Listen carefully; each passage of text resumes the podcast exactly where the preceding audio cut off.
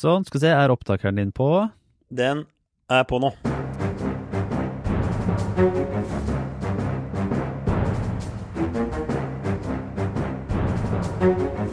Eh, Sånn, da er vi i gang med en ny utgave av eh, Aftenpodden, eh, USA-versjonen. Vi er på plass, Øystein Langberg i Oslo, og jeg, Lars Glomnes, for anledningen fra et slags hyttekontor.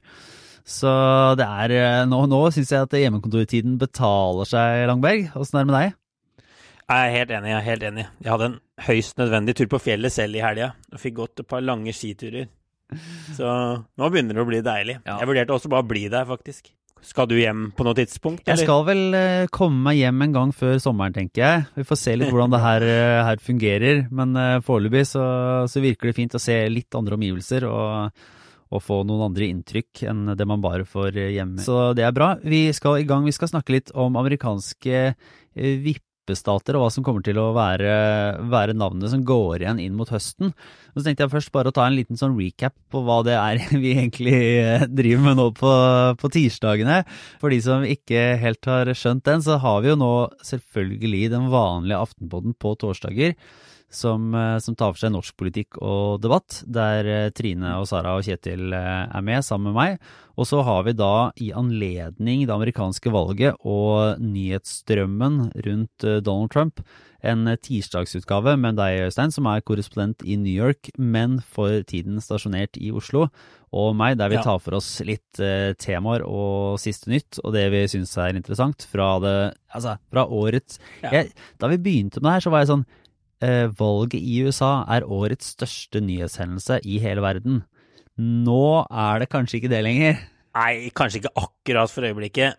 Men, men jeg, jeg, tror det kan bli en spennende høst. Jeg vet ikke, men jeg har en følelse av at dette valget kan bli litt viktig i noen måneder til høsten. Så jeg tror det er en god investering. Ja, jeg, jeg, tror det, jeg tror det definitivt. Og av eh, alle vanlige ikke-pandemiske nyheter, så er det dette som, som går. Så eh, vi kommer vel kanskje tilbake til så vidt noen koronarelaterte ting på slutten der. Men det vi tenkte å snakke om, var jo litt sånn statusen i det amerikanske presidentvalget, og se litt på hvilke stater som kan avgjøre. Fordi hvis man ser på meningsmålingene sånn overordna i USA om dagen, så kan jo Joe Biden smile. Ja, Hvis man ser på de nasjonale målingene Nå er det jo faktisk under et halvt år til valget. Så, så det bare baller på seg nå. Mm. Og nasjonalt, da, når man spør hele Amerika hvem de ville stemt på i et valg, så er det sånn at Biden leder med 6-7 prosentpoeng på snittet av målingene. Så det er en ganske solid ledelse han har, egentlig. Eh, Så han kan absolutt smile. Han ser ut til å ha litt sånn vind i seilene også. Men så er det jo sånn da i USA at det har ikke så mye å si. Eller det er ikke det avgjørende å få flest stemmer nasjonalt. For da hadde ikke Donald Trump vært president nå. Kanskje da hadde Hillary Clinton vært president. Hun fikk i hvert fall nesten tre millioner flere stemmer enn en Trump i 2016. Nei, for Det avgjørende er, å, er da å, få, å vinne flest stater, rett og slett. Og, og få, få seire i flest stater, så man når det som da er altså 270 eh, valgmenn, da. Valgmannsstemmer, ja. Ja. Så det er egentlig om å vinne flest valgmenn, da, er jo egentlig det riktige. Ja. Eh, ja. Ja, så er ikke, ja, Selv om du vinner på en måte flere enn halvparten av statene sånn i rene tall, så hjelper ikke det deg heller. Men du må få eh, nok stater med nok valgmannsstemmer til å eh, vinne frem og få presidenten. Det er jo en form for sånn geografisk representasjon da, som, som gjør at, eh, at man ikke bare skal sikte seg inn etter de store folkerike statene, men må ha en viss sånn fordeling utover kontinentet eh, i støtten for å kunne nå fram. Men det gir seg også noen litt sånn pussige utslag da, når man kan eh, ligge foran på målingene med flere millioner stemmer og, og likevel tape. Ja, absolutt. Og det er jo en stor debatt om, om dette valgmannssystemet, om det er riktig. Og man burde gått over til sånn som det er i Frankrike, da, for eksempel. At den som har flest stemmer i landet, blir president. Enkelt og greit. Mm. Eh, betydelig enklere konsept. Men sånn er det jo ikke i USA, og det er jo mange grunner til det. Dette er jo historiske grunner. Det er en føderasjon, en union av stater som har slått seg, slått seg sammen til USA. Og Derfor har de dette systemet. Men som du sier, 270 er det magiske tallet. Det må du over. Og i 2016 så fikk Clinton og demokratene 232. Så de mangler 38 nye De må altså ha fått 38 valgmannsstemmer til da, for å kunne sikre seg flertall. Eh, Og spørsmålet er liksom hvordan kan de komme seg dit? Det er jo det alle analytikere som driver og kikker på nå. Ja. Veien dit til 270. Og så ser man jo, det er jo et såpass etablert politisk kart i USA at man vet at noen stater er eh, låst, på en måte. De er vunnet allerede, mer eller mindre. De kommer til å bli demokratiske. Noen stater kommer til å bli republikanske. Ja. Uh, og, og dermed så får de mindre oppmerksomhet. Ja. Så sånn, selv, om, selv om California da har 55 valgmannsstemmer og er den største, så får ikke de så mye oppmerksomhet som mindre stater, fordi det er på en måte allerede regna inn i regnestykket. Ja, ja. Eller Wyoming, som er i andre enden, som, som Trump vinner uansett. Eller skal ekstremt mye til for å, for å tape den. Da. Så, så, så faktum er jo at det er politikerne eh, De fokuserer kreftene sine på et fåtall stater. Så bor du i en av disse ikke-vippestatene, som ikke har noen sånn sannsynlighet til å kunne av, av, avgjøre valget, så får du antageligvis kanskje ikke besøk av noen politiker i det hele tatt. Altså av verken Trump eller Clinton. For de må bruke all sin tid på disse vippestatene og bruke alle sine penger. Så slår du på en TV-kanal i en vippestat, så er det garantert Det tar ikke lang tid før du ser en, en film for en av kandidatene. Men sånn er det ikke hvis du slår på en TV-kanal i f.eks. California eller Wyoming. Nei, ikke sant. Og så hvis det var et bilde som jeg skal se om jeg klarer å få, få gjengitt, da, som, som ga meg liksom god, god forståelse på dette. Altså Hvis du stabler på en måte valgmannsstemmene fra de ulike statene oppå hverandre, og starter med de sikreste i bunnen, da, så demokratene kan ta f.eks. California eller New York i bunnen der, og så bygger det seg oppover. Og så til eh, i toppen av den eh, pyramiden så ligger de statene som har minst sjanse for å vinne så bruker du ikke noe penger på de som er eh, nederst, eller veldig lite på de som er nederst, og så bruker du ikke noe særlig penger på de som er øverst, for de kan du ikke vinne i det hele tatt. Og så kommer du til de, i dette tilfellet, ca. fem statene som ligger akkurat i brytningspunktet, som kan få deg over 270, og der setter du inn støtet. Ja. Og det er jo de statene som man kommer til å høre mye om i, i resten av hva skal si, halvåret da, fram mot eh, valget, eh, som, som kommer til å bety noe. Og da er det jo egentlig det er liksom Florida, Arizona, Wisconsin, Michigan og Pennsylvania som regnes som de fem klareste. I hvert fall for, for demokratene, for det er de fem statene hvor Trump vant i 2016, men med minst margin. Og vi kan jo starte med liksom Michigan, Pennsylvania, Wisconsin, som ligger alle oppe i midtvesten der. De kalles Men- men- rustbelte. Ja, Ja. Men bare for å ta den, altså er det annerledes for republikanerne? Altså, hva tenker du du sier at det er mest viktigst for demokratene? Er det, ser republikanerne på noen andre stater? Ja, Det som man kan se for seg, da, og som, som de gjør, er jo Det var jo noen nei, noen stater som demokratene vant med bitte liten margin i 2016, Mm. som, som, som Trump sikter seg inn på nå, f.eks. Minnesota. Nei, regnes som en sånn stat som de skal prøve å vinne fra demokratene. Ja. Eh, Men den regnes som mindre sannsynlig at vil svinge, eller har den bare mindre betydning fordi det antallsmessig ikke er så viktig? Uh, nei, det, altså, hvis, hvis Trump vinner Minnesota, så, så taper antageligvis demokratene presidentvalget ganske klart. For da ryker nok antageligvis alle disse andre statene òg. Ja, Så de man kan jo lese mønstre ut Ja, de henger sammen litt, ikke sant. Så man kan lese mønstre ut av noe. Så hvis Trump vinner Minnesota, så, så er det veldig litt sannsynlig at demokratene vinner tilbake Michigan, Pennsylvania, Wisconsin, for. For de, ja, for de regnes også så henger sammen, som du kalte det rustbeltet. Det var jo lenge da egentlig klassisk demokratiske stater. Det var jo en del av det altså, De har stemt demokratisk siden tidlig på 90-tallet. Altså demokratiske presidentkandidater ved hvert eneste valg. Og før valget i 2016 så ble dette kalt den for blå, den blå muren. Det var Hillary Clintons brannmur. Og hun var, etter primærvalgene over, så var hun vel ikke i Wisconsin en eneste gang. For de var så sikre på å vinne den staten. Så det ble ikke regna som en vippestat engang. Og så kommer Trump inn på valgdagen og vinner den med en bitte liten margin. Han vant med 0,8 prosentpoeng. Og det gjelder alle disse tre rustbeltestatene. da. Trump vant med liksom 0,2 i Michigan, 0,7 i Pennsylvania og 0,8 i Wisconsin. Ja. Så de har selvfølgelig veldig god mulighet til å vinne dem tilbake. Og, der, og der var det, ja, for der var det totalt sett sånn, det dreier seg om sånn 70 000 stemmer av, av alle som gjorde at, eh, at de tre statene totalt sett da, falt ned på republikansk, republikansk side og ga Trump den seieren. Ja. Og ståa nå da i de tre statene er at eh, Joe Biden leder ganske klart på meningsmålingene. Da snakker vi om et snitt av meningsmålingene da, i to av dem. Han leder ganske klart i Michigan, 5,5 prosentpoeng, og med 6,5 i Pennsylvania. Mm. Så de har de ganske gode muligheter til å vinne tilbake. Og Joe Biden er jo faktisk fra Pennsylvania. Han vokste opp i denne industribyen Scranton. Eh, jeg, jeg husker ikke hvor lenge han bodde her, men familien bodde her ganske lenge.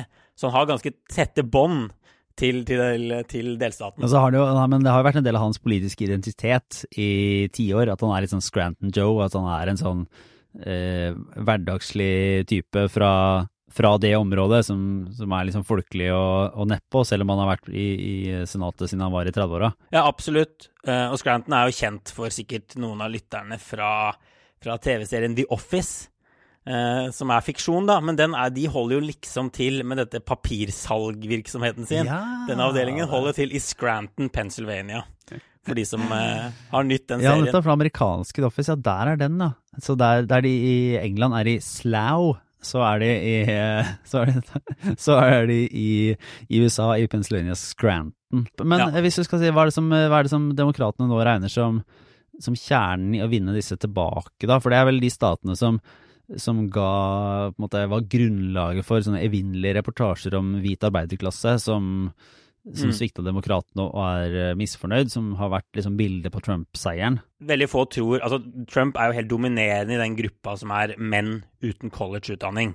Eller også menn og kvinner uten college-utdanning. Mm. Den vant han soleklart i 2016, og den kommer han antageligvis til å vinne den gangen her òg.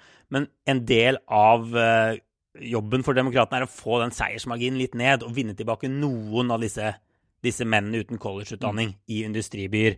Og det, noe, det, har jo vært noe av Joe Bidens hovedsalgsargumenter. At han, han, liksom, han snakker språket deres litt. Han, han, er litt sånn en av dem, uten at han egentlig er det, selvfølgelig.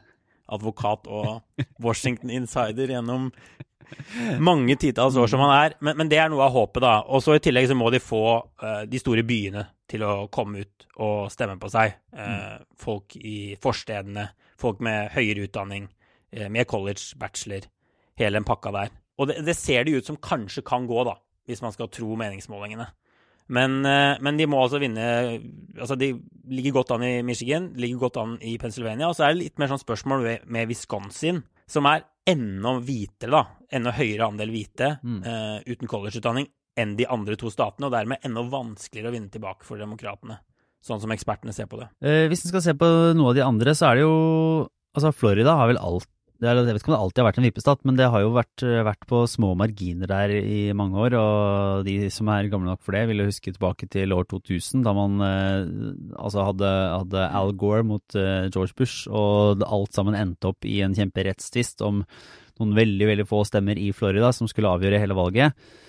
Uh, ja. og, og, der er det nye runder og stadige Det er egentlig sånn stadige endringer også i liksom demografien og strukturen i Florida som gjør at det, det, er vanskelig å spå. Det har jo egentlig vært sagt at den skulle bli demokratisk i flere år av sånn fordi det er flere latinamerikanske eh, innvandrere fordi, ja, av ja. ulike grunner, men det har jo ikke, det har liksom vippa fram og tilbake. Ja, det har vært en, en vippstat veldig lenge, og den har stemt på presidenter altså, stort sett den, den mannen som, eller ja, mannen som du alltid har vært i USA, som har vunnet Florida, vinner stort sett presidentvalget. Mm. Og som du sa, det er ikke alle vippe, det er noen vippestater som har vært vippestater lenge, og som ikke er det lenger, av demografiske grunner, men Florida har på en måte alltid lenge da, ligget i det gamet. Og som du sier, det strømmer på med pensjonister, gamle folk, litt konservative, som favoriserer republikanerne, og så strømmer det på med minoritetsvelgere gjerne sånn spansk etter det latino hispanics, som de kaller, kaller, det, som kanskje Som ofte er godt nytt for demokratene. Og så forblir staten på en måte litt sånn vippete, og på demokratisk side så tror jeg det er en voldsom debatt om de skal satse på å prøve å vinne Florida eller ikke. Fordi den, jo, de tapte den jo i 2016. De tapte guvernørvalget i 2018 der. Så de har hatt en sånn dårlige opplevelser. Eh, og Trump har vist seg å ha litt sånn grep om det. Og Trump har jo flytta ned der. Sånn på papiret. Fra, fra nå ny, sin gamle, fra dette Trump Tower i New York da, ned til Mar-a-Lago, denne klubben slash eh, feriestedet hans. Så Trump satser tungt der. Og Trump har mye mer penger enn Joe Biden. Og så er spørsmålet har Joe Biden råd til å prøve å, å gi Trump en ordentlig fight i Florida. Mm. Hvis han bare har råd til å gjøre sånn halvveis, så burde han kanskje ikke gjøre det i det hele tatt. Sånn som de der kalkulasjonene der er. Men, men Florida er vel er det den tredje største eller fjerde største staten i antall valgmannsstemmer? Så den ja, gir, jo, det det gir ganske stor gevinst, da. Ja. ja, fordi vi snakket om de tre rustbeltestatene i stad. Og det er sånn at Skal demokratene vinne tilbake til Hvite hus, så må de holde på alle statene fra 2016, og så må de vinne alle tre. Både Michigan, Pennsylvania og Wisconsin. Mm. Men tar de med seg Florida, så holder det å vinne én av de andre. Altså det holder å vinne både to nye stater, Florida pluss én til. Mm. Da er seieren i boks. Så det er klart det er veldig fristende. Og så ser vi at uh, arbeidsledigheten øker ganske mye i Florida nå, med med koronaviruset. Stor turistindustri som bare ligger helt død. Så de ser på en måte sitt snitt til at dette kan gå. Uh, men det blir veldig interessant å se hva, hva Biden gjør der. Altså. Mm. Og litt sånn i samme leia, i hvert fall sånn med, med, endringer, er jo Arizona som regnes som en, uh, som en vippestat. Ja, for det, det er interessant, fordi vi snakket om at sånn Ohio var en sånn Alle som har fulgt med på amerikansk politikk, er blitt vant til å kalle Ohio for en VIP-stat. Det har vært det lenge. Mm. Men nå regner ikke eksperten Ohio som en særlig vippete stat lenger. Den regnes som ganske sånn Den svingte kraftig mot Trump ved forrige valg, og regnes som litt sånn utenfor rekkevidde for demokratene. Mm. Det er i hvert fall ikke en stat som kommer til å avgjøre valget. Og Arizona har gått motsatt vei. Arizona har vært liksom trygg republikansk. Ja, for en får, en får inntrykk av at det er sånne, alle de westernstatene er sånne republikanske. Altså, man tenker at, ja. tenker at, eh, der det er sånne tumbleweeds og sånne ting som Der du ser for deg ørken, så tenker du ok, det er republikanere, og det er ja. liksom eh, våpen og frihet og ja. stå på sjæl. Ja, litt sånn som, litt sånn som Nevada, eh, Texas, New Mexico. Men der, der, der kan man se en interessant endring. Nevada er nå demokratisk. New Mexico er demokratisk demokratisk. Colorado også, en westernaktig mm. stat, er, er, blitt demokratisk. Eh, og Arizona kan bli det nå. Mm. De stemte på Clinton i 92, men bortsett fra det har de ikke stemt på en eh, altså, demokratisk presidentkandidat siden rett etter krigen. Eh, så det har vært trygt territorium for republikanerne. Men det er, det er, det vi snakker om igjen, da. Det kommer altså disse spanskættede latinofolk mm. som flytter til inn der, innvandrere. Og så strømmer det på en del folk, liberale velgere, som de sier, fra noen av nabostatene, sånn som California. Og da bare endres hele grunnlaget. Velgergrunnlaget i staten. Og så er det vel noen som uh, har en liten drøm om uh, Texas også, det, men, uh, av, av, de samme årsakene. Men det regnes ikke inn som de mest spennende den, det valget her foreløpig. Eller også kan du jo si at hvis, hvis, det skulle ende opp med en situasjon der Donald Trump gjør det ordentlig dårlig, og demokratene gjør det ordentlig bra, så kan de jo vinne flere enn disse fem vippestatene. Ja, ikke sant? Ikke sant? Og, eller eller ikke nødvendigvis alle de mennene et eh, ras med andre, at man plutselig overrasker på, på, andre vis. da. Men det er jo en litt sånn kompliserende ja. faktor i dette her. Jeg hørte litt sånn flere analytikere snakke om at til, noe av dette som, denne kampen som foregår, er jo uh, mye i TV-reklamemarkedet. Altså Man bruker enorme summer. Jeg tror Barack Obama hadde i 2012 en sånn uh, krigskasse da, på var det en, en milliard dollar. Mm. Så det er jo snakk om enorme summer, og de som har jobbet lenge med det her, har jo visst litt sånn hvor mye penger du legger inn, gir x antall stemmer ut. Og Det er jo ikke at du kjøper ja. det, men det er bare du kan regne med en viss effekt av en TV-annonse, eller en viss effekt på registrering av nye velgere, hvis du putter i de summene. Ja, og det med velgerregistrering er jo interessant, for det, det, det, det er jo noe vi ikke kjenner så mye fra Norge, men som de snakker masse om f.eks. i Florida og Arizona.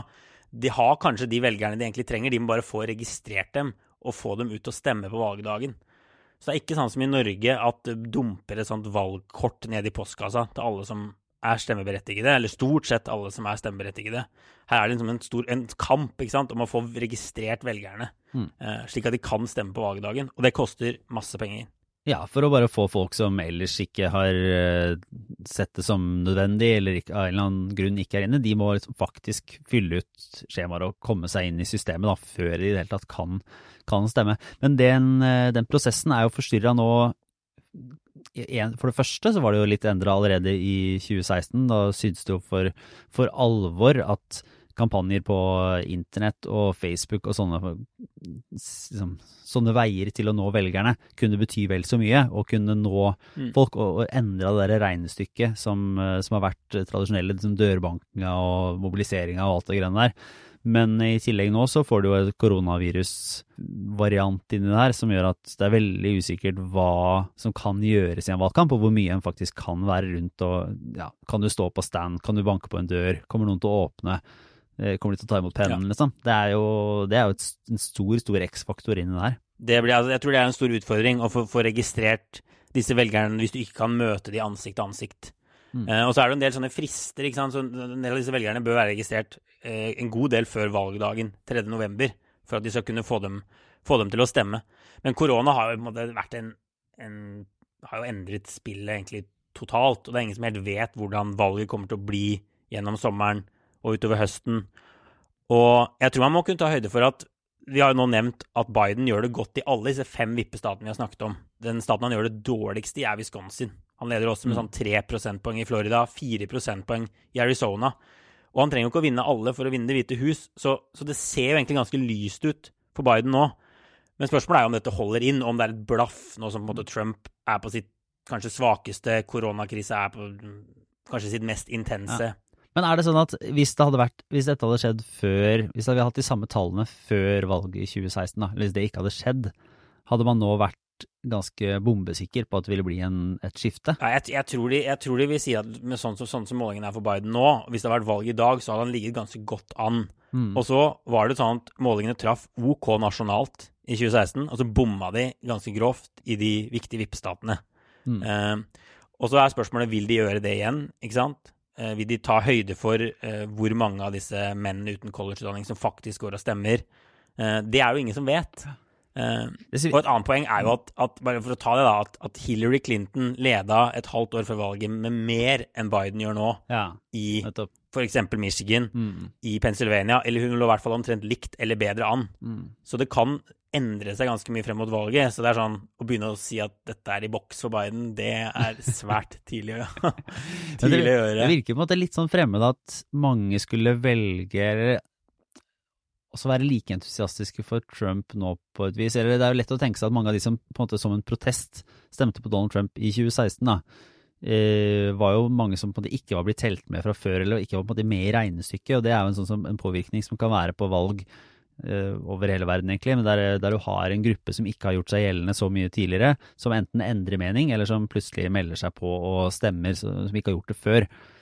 Eh, det blir veldig interessant å se om de som ville ha en, en uh, helt ny person, ville ha en ny type politiker, på et eller annet vis lot seg engasjere for første gang av Donald Trump, har latt seg liksom, fortsette å engasjere. For det var en grunn til at ikke de stemte i de tre valgene før. De har jo ikke vært sånn superpåkobla. Om den entusiasmen klarer å opprettholdes når det går ganske grimt i, i, med koronaen, da, og Trump i det hele tatt har holdt på i fire år. og det kan ja, i varierende grad har påvirka hverdagen deres. Ja, altså det er i hvert fall en feilslutning å si fordi Hillary Clintons forsprang krympet kraftig de siste seks månedene, så kommer Biden sitt til å gjøre det òg.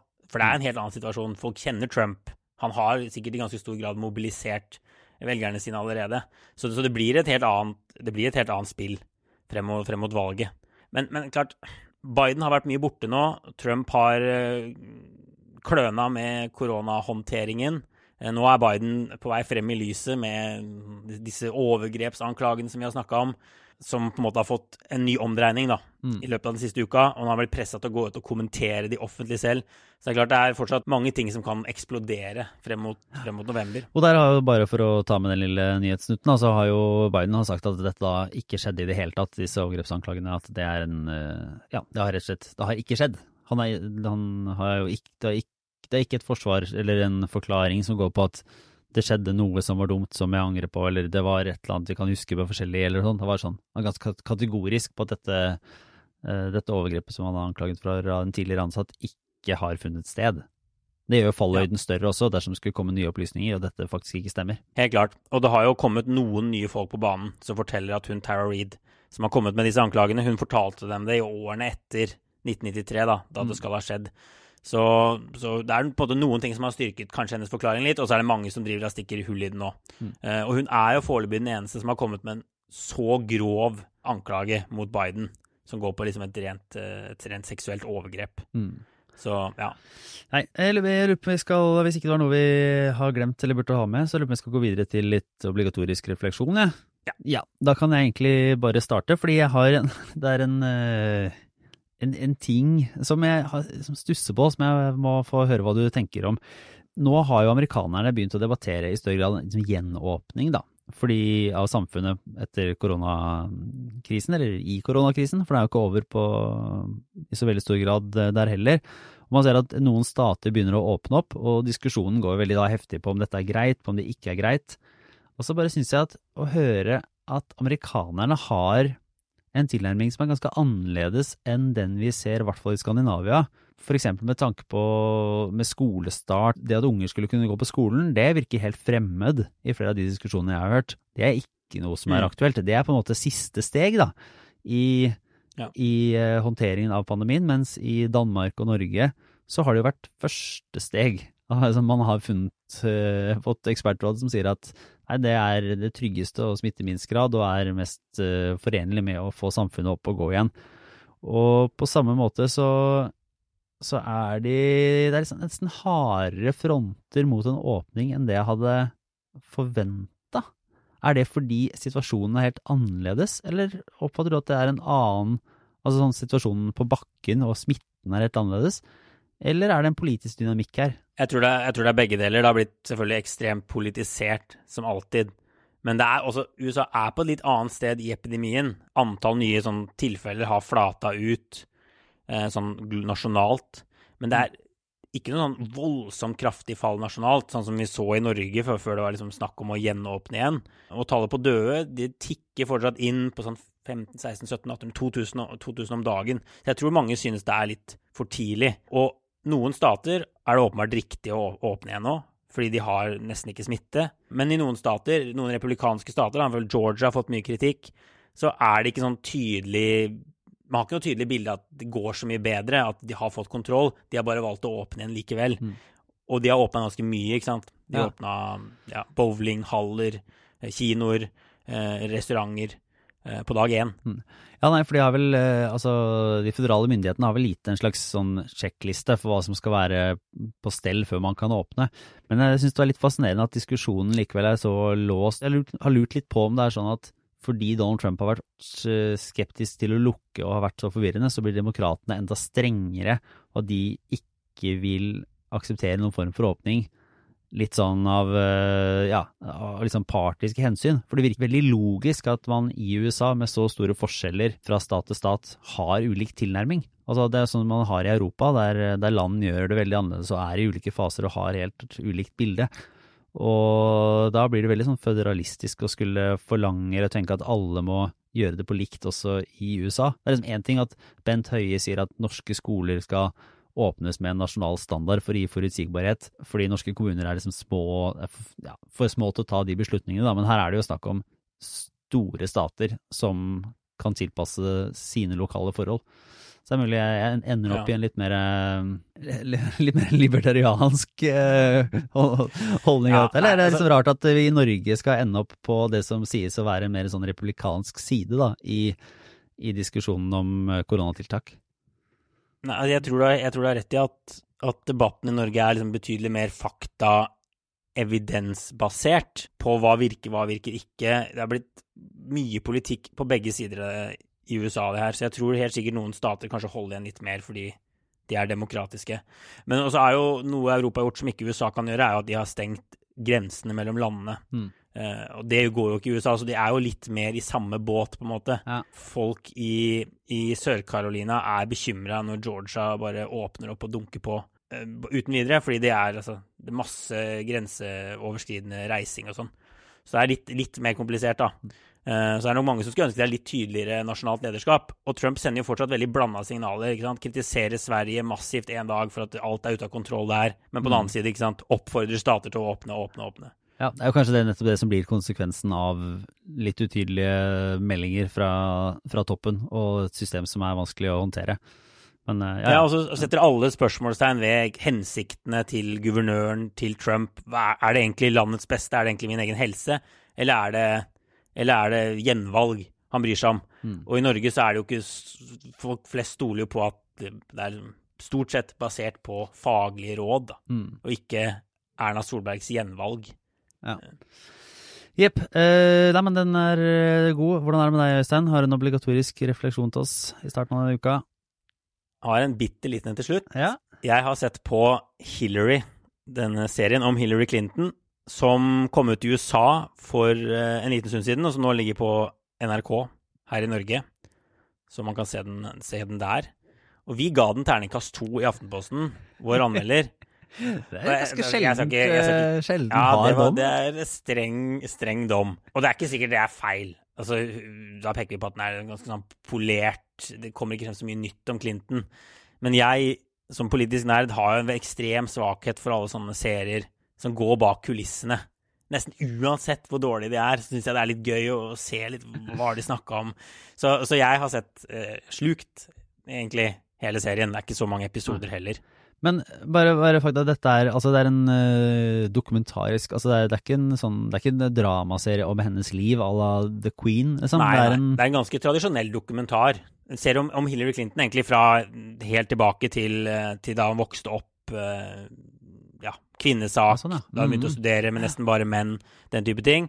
Og så er det en ganske klassisk dokumentar, ispedd intervjuer med Hillary Clinton i dag. Hun kom annet med et vanvittig angrep på Bernie Sanders, som fikk en del oppmerksomhet for ja, litt ja, siden. ja, det var den, ja. ja da, Hvor hun sier at ingen han liker bare er en ja, ingen liker han, ingen vil samarbeide med han. Veldig, veldig hard. Så det er helt åpenbart umulig å skjule den bitterheten der. Så jeg, jeg, syns, jeg syns den er verdt å se, men det, det, som slår meg da, når jeg ser den Jeg har hørt intervjuer med Hillary. Um, jeg leste i boka hennes, som jo kom for, noen, for, for noen år siden. Og det er sånn Jeg tror ikke hun, hvis de hadde kjørt hele valgkampen på nytt, vet hvordan hun skulle slått Trump selv i dag. Nei. Hun, altså, hun har blitt spurt om det, og jeg bare syns de svarene er så lite overbevisende. Så hun virker fortsatt litt sånn forbausa og overraska over USA, og at hun kunne tape det valget. Og det finnes liksom ingen svar på det, rett og slett. Jeg tror hun kanskje hadde tapt igjen, på samme måte nesten. Det, ja, for det, da er jo spørsmålet om hun, hun, kan jo ha rett, på et vis. Altså hvis det var noe Hvis det var en sånn Ok, dette var en sammenfallende årsaker som du aldri egentlig vil kunne forutse. Mm så ville du ikke kunne gjøre det på noen annen måte, eller det er ingen sånn enkeltting som ville kunne garantere et annet utfall. Nei. Og sånn kan man jo lure på om det var. Ja, det var en tsunami av ting. Eller, eller tenker du at det er mange Ja, eller for, for tenker du at det er noen andre som har hatt veldig gode forklaringer? Nei, jeg, jeg, jeg sier ikke at det er andre som vet, vet akkurat hvordan de skulle gjort det for å, for å slå Trump. Men jeg, jeg, må si det virker som hun er i hvert fall ganske blank på det. Det virker av og til som ja, at hun ikke klarer å liksom, gi slipp på eksempel aggresjonen mot Bernie Sanders, så virker det som, kanskje som at hun ikke er den beste til å, til å bre ut og beskrive egne feilsteg, eller komme på en sånn ordentlig gjennomgang av hva hun, hva hun selv har gjort feil. Nei. Det høres ikke helt ut som det er typen. Men eh, da tror jeg vi runder av for denne gang, Øystein. Så snakkes vi igjen snart. Ha det, ha det. Ha det bra. Det var Aftenpåden.